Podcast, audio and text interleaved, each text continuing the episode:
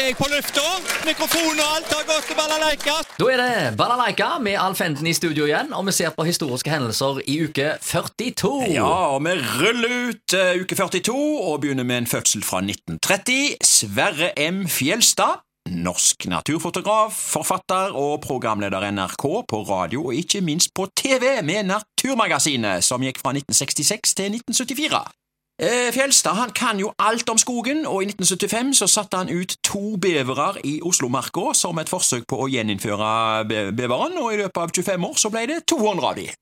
Så, og Sverre Fjelstad han var en av de første kjendisene egentlig i eh, NRK-historien. Han er blant oss ennå, han er nå eh, 92 år. Født i 1976, det var Kjartan Salvesen, norsk eh, musiker. Eh, Han ble den andre Idol-vinner i 2004, og Salvesen har òg vært sportskommentator. Både ishockey og fotball, eh, og dessuten så har han jobba i markedsavdelingen for både Stavanger håndball og Viking, og i sistnevnte der er han vel ennå, tror jeg. Kjartan Salvesen er jo ihuga vikingpatriot. Absolutt, absolutt. Ja, ja, han har vel òg skrevet vikingsanger og Å, ja, ja, ja. ja, ja. Født i 1976, altså. Hendelser internasjonalt. Eh, 1970. Anwar Sadat blir president i Egypt, og sånn rundt 10-12 år senere så blir han jo dessverre drept. Eh, 1980. Dronning Elisabeth 2. blir den første sittende britiske monarken som besøker paven på offisielt statsbesøk i Vatikanstaten. Så går vi på hendelser lokalt, og vi begynner jo med kino i uke 42, da. Eh, 1994 i dag, ja. Ok. På Edda. Norgespremiere på Gudfarens løpegutt. Robert De Niro i hovedrolla der. 15-årsgrensa. Så gikk filmen Sanne løgner. Eh, Arnold Schwarzenegger eh, der som superagent. 18-årsgrensa på den. Og så gikk en eh, film som ble veldig som ble sånn kultfilm. Forrest Gump. Eh, Sett av over 6000, var det på den? Forrest Ja, Gump. faktisk. Ja, Ja. ja, den ble en slags kultfilm. Ja, ja. Og så gikk filmen Jakten på Dodger, en flott familiefilm om Eva som finner en apekatt. 20-årsgrensa på den da.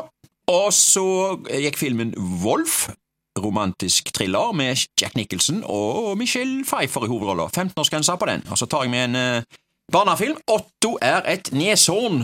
Eh, den, var, den var det mange som, eh, som var og så på av unger. Og så skal vi se på andre ting som har gått lokalt, og da, har jeg, eh, da begynner jeg med 1961, ja. Jeg har vært i Kim Kakor-boka til Tor Inge Vommedal, og jeg kan jo ikke begynne å lese her fra Haugesunds Avis. Haukeliruta frakter tre store lastevogner praktisk talt fullastet med TV-apparater til Haugesund fredag og lørdag foran cupfinalen på Ullevål.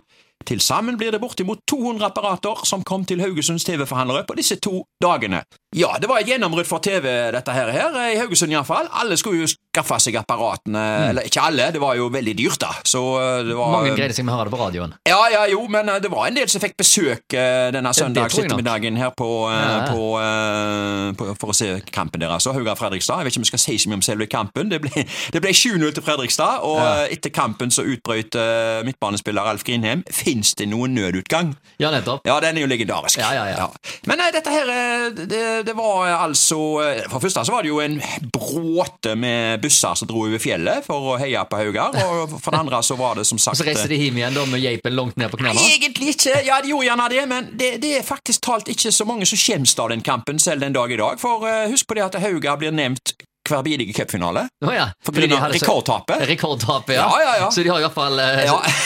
satt historie der. Ja. Men vet, dette med TV-apparater, ja, det var som nevnt enormt mange som eh, fikk besøk for å se på kampen der. Um, Tjukk- Tjukkas-TV-er. Tjukkastever. Ja, Det var inn da. Ja. Mållås til fotball av Haugaro, faktisk. 1993. Overskrift Haugesunds Avis. Endelig toppfotball. Eh, Jeg siterer videre. Det er jo eh, damene, da. Jo visst blir det toppfotball i Haugesund.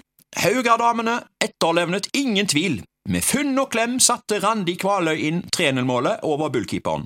Akkurat samme måte og på akkurat samme bane som Peter Osborne for 13 år siden satte inn 3-0-målet mot Mjøndalen i kvalifiseringskamp og sikret Haugar toppseriefotball. Her er det jentene som viser veien. Dette er vel fortjent Haugar.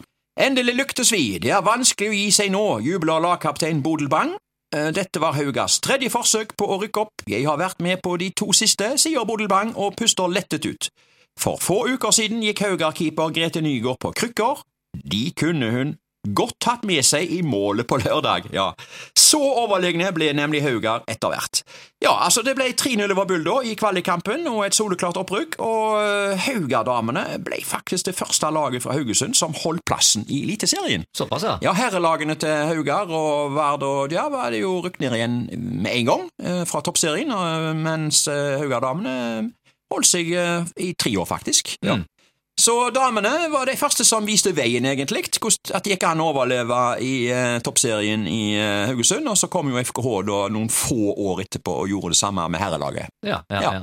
Men damene viste veien, Damene viste veien, ja. ja da, og i motsetning til herrene da i eh, 61, som vel viste bakveien, eller nødutgangen. Ja, det må man kunne Det var si. nødutgangen, ja. Da er det bare en å spørre om! Ja. 7-0 mot Fredrikstad! Hot?